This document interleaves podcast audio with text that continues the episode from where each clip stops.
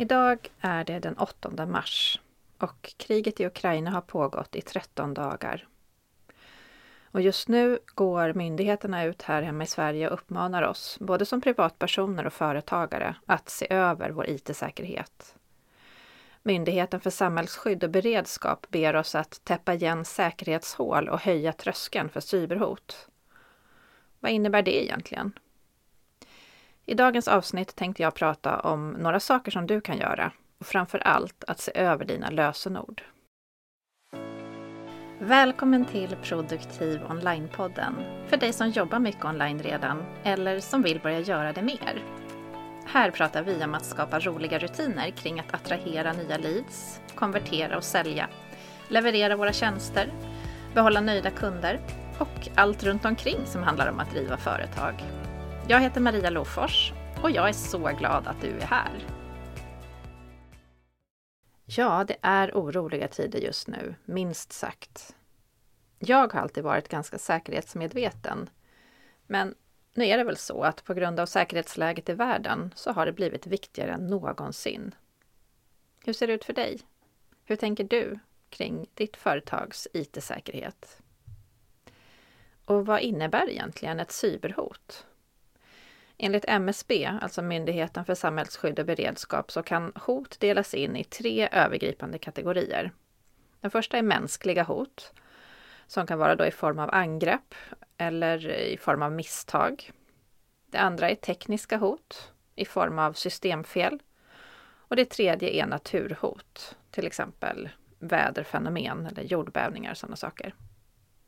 Och alla de här hoten kan leda till incidenter som kan påverka vår säkerhet. Också leda till allvarliga konsekvenser för både enskilda personer och organisationer. Och för dig som svensk företagare så skulle det kunna innebära att dina konton exempelvis blir hackade.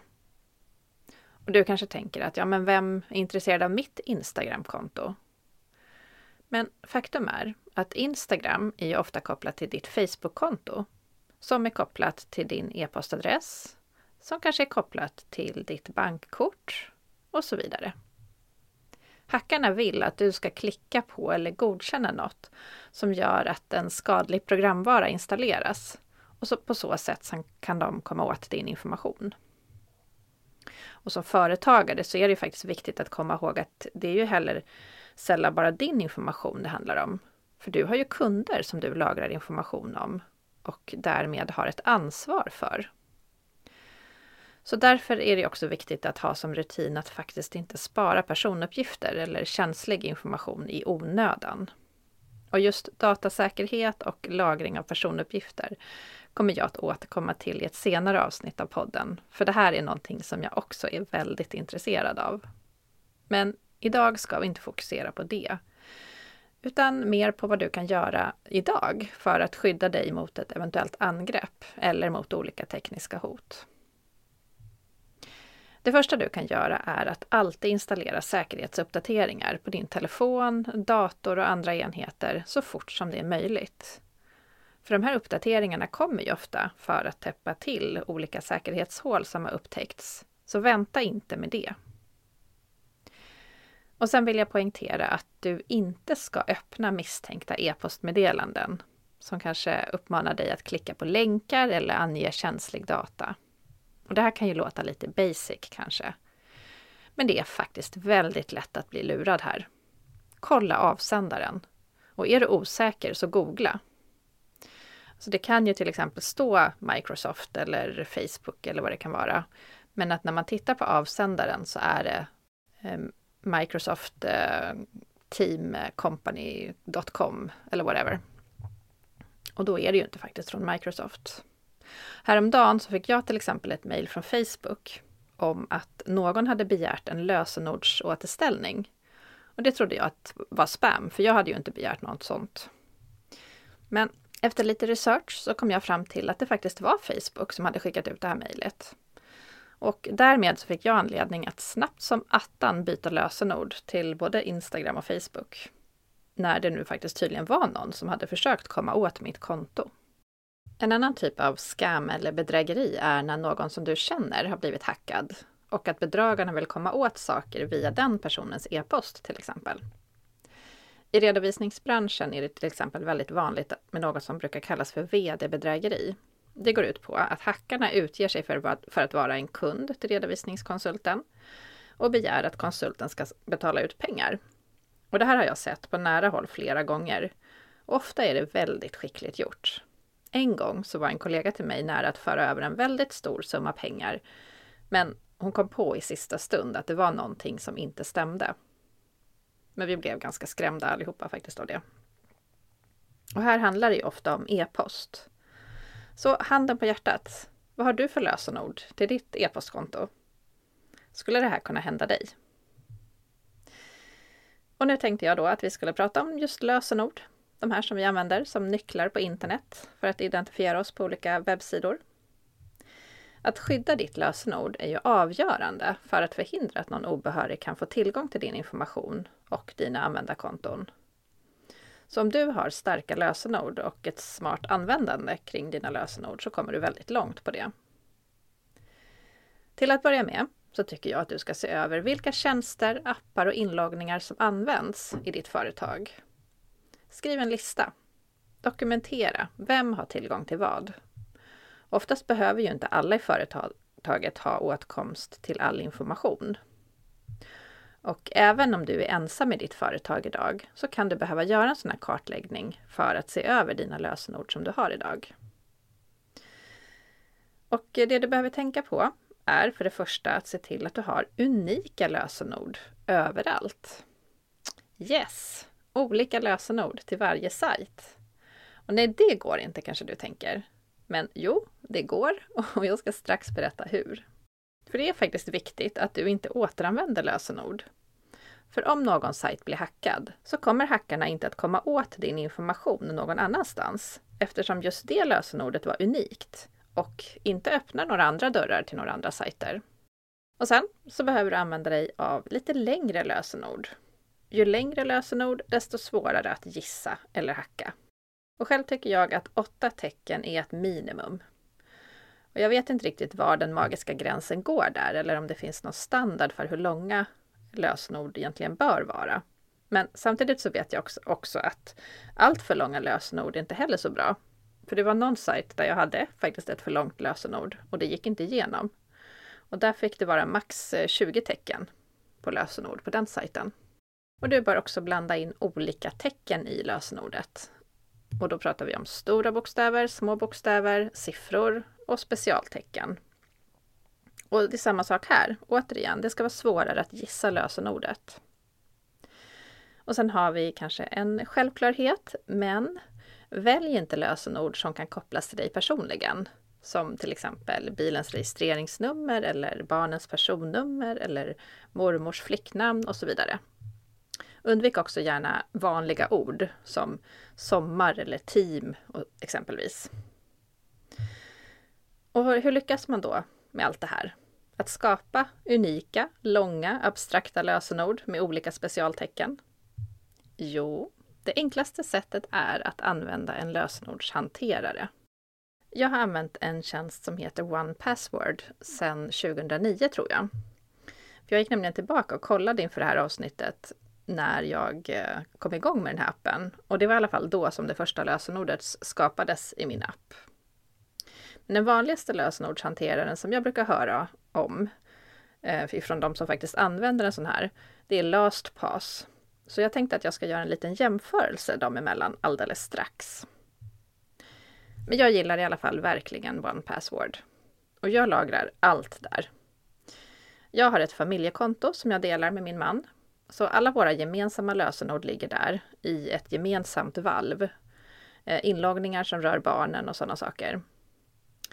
Eh, och nu är ju inte han då lika intresserad av att använda One Password som jag är, får jag erkänna. Men de finns i alla fall där när han behöver dem. Och sen har jag ett valv för, för mina privata lösenord och ett för företaget. Och varje gång som jag signar upp någonstans så går jag först in i One Password och skapar en ny inloggning där. Jag går till valvet företag exempelvis, skriver in vilken mejladress som jag använder för att signa upp med, vilken adress sajten har och så genererar jag ett lösenord. Och det lösenordet så kopierar jag sedan in i sign up-formuläret och så är det klart. När man genererar lösenord i en lösenordshanterare så kan man välja hur många tecken det ska bestå av, om det ska vara slumpmässigt eller kunna gå att memorera och om det ska innehålla både symboler och siffror. Så jag kan exempelvis generera ett slumpmässigt lösenord på 15 tecken med både symboler och siffror. Och då blir det typ så här litet Q, stort G, eh, understreck, 8 utropstecken, litet A, stort P. Ja, du fattar.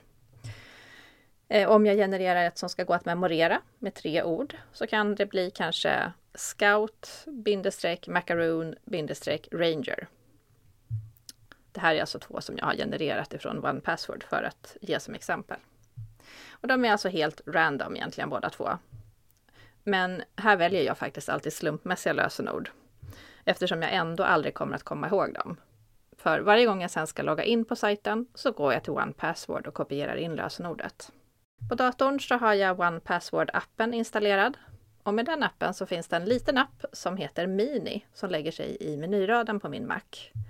Och den är otroligt användbar. Men sen finns det också tillägg till webbläsaren om man hellre vill använda det. Och i mobilen så har jag självklart också OnePassword-appen. Eh, och med den så kan jag automatiskt fylla i lösenord genom att gå till inställningar i mobilen och godkänna appen under Autofill Passwords. Och då kan jag med hjälp av då Face ID så fylls mina lösenord i automatiskt på sajter där jag försöker logga in. Det är otroligt smidigt. Jag lägger alltså in alla inloggningar till sajter som jag använder. Men jag har också sparat eh, kortuppgifter där och annan viktig information som jag vill lagra säkert. Det är väldigt användbart.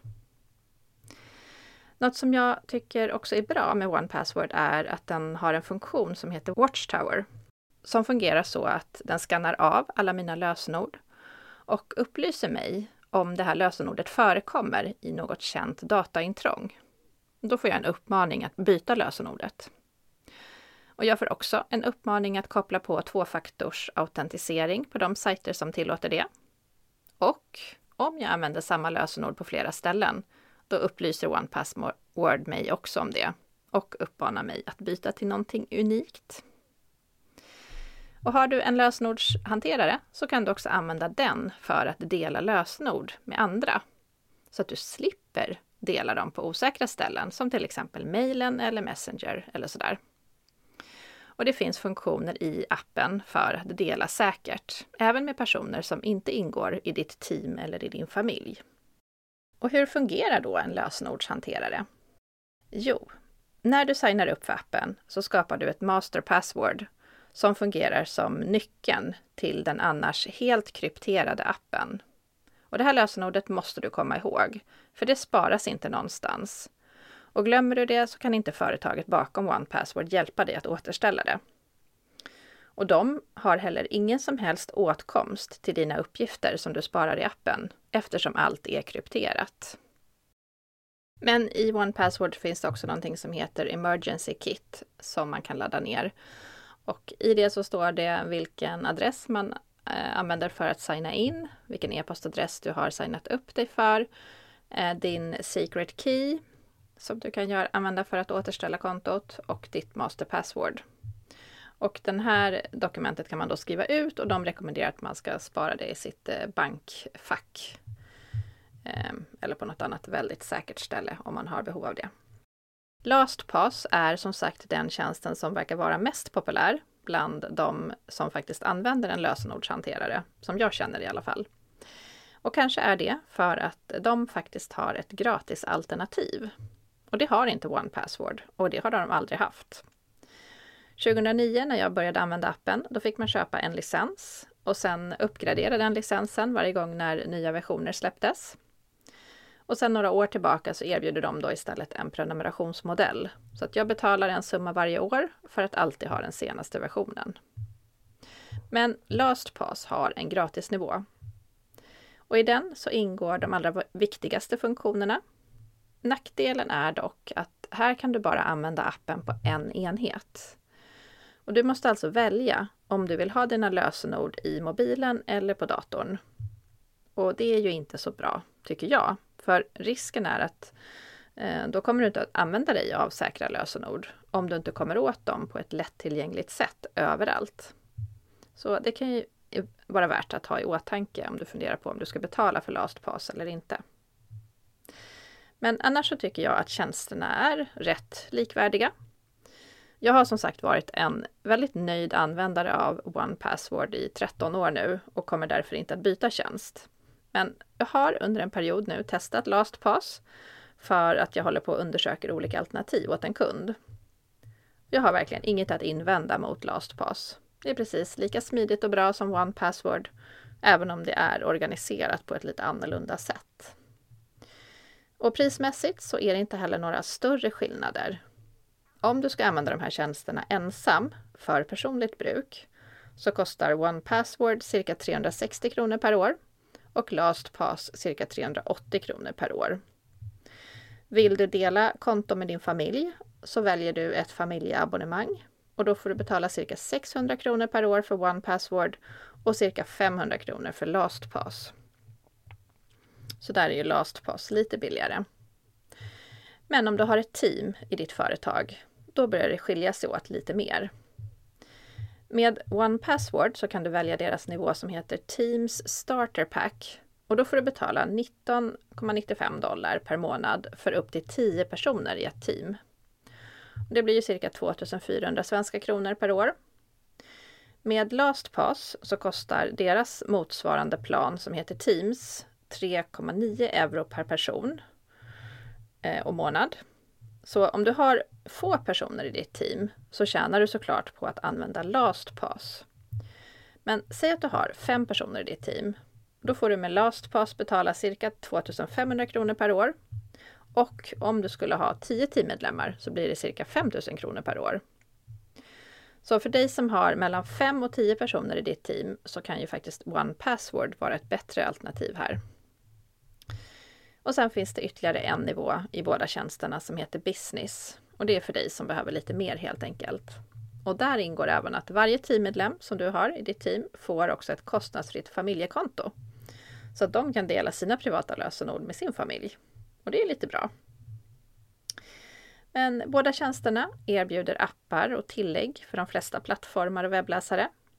Med reservation då för att man med LastPass gratisplan som sagt bara kan använda en plattform. Och båda tjänsterna erbjuder möjlighet att dela lösenord på ett säkert sätt med andra. Eh, OnePassword har Watchtower som jag berättade om, men även LastPass har något som de kallar Dark Web Monitoring. Och det verkar fungera lite annorlunda, men det handlar vad jag förstår i stort sett om att de bevakar dina e-postadresser och lösenord om de dyker upp i något dataintrång. Så där är funktionen likvärdig. Och med båda tjänsterna så kan man även spara dokument i appen och i båda så får man en gigabyte lagring som grund. Eh, och med OnePassword så kan du få 5 gigabyte lagring om du uppgraderar till business. Och båda erbjuder någon form av tvåfaktorsautentisering. Med LastPass så kan du bland annat välja Google Authenticator och i OnePassword så kan du välja till exempel appen Authy. Apropå tvåfaktorsautentisering slutligen så rekommenderar jag dig att alltid slå på det överallt där det går. Och vad är det här då kanske du undrar? Tvåfaktorsautentisering innebär eh, som ett extra krav utöver ditt lösenord som visar på att du verkligen är du. Oftast funkar det så att när du har skrivit in ditt lösenord så skickas en verifikationskod till dig via sms eller så får du öppna en särskild app då, då som till exempel Google Authenticator. Och så får du generera en kod i den appen. Och när du sedan har fyllt i den här koden som du har fått via sms eller i appen så kan du logga in på kontot. Så för att sammanfatta dagens avsnitt, då rekommenderar jag dig att börja kartlägga dina lösenord till att börja med. Dokumentera vem i ditt företag som har tillgång till vilka tjänster. Och jag vill också uppmana dig som sagt var att uppdatera datorn och telefonen och alla appar så fort det kommer nya uppdateringar. Och var försiktig med e-postmeddelanden från okända avsändare. Och även från de som du tror är kända avsändare, som sagt, som kanske inte alls är de, den som de utger sig för att vara. När det kommer till lösenord, så är tumregeln alltid att använda unika lösenord för alla tjänster. Att lösenorden ska vara långa och innehålla både små och stora bokstäver samt symboler och siffror. Och det är också bra om de är slumpmässigt sammansatta så att de inte går att gissa. Och här är det då alltså bra att använda sig av en lösenordshanterare. Och så slutligen, byt lösenord omedelbart om du misstänker att någon har kommit över det. Precis som jag gjorde häromdagen när jag fick mejl om att någon hade försökt komma åt mitt Facebook-konto. Man vet ju aldrig. Om du vill hjälpa mig att sprida podden så ta gärna en skärmdump av det här avsnittet när du lyssnar på det i din telefon. Dela bilden i sociala medier och berätta vad du fick ut av det. Ha en fin dag och ta hand om dig.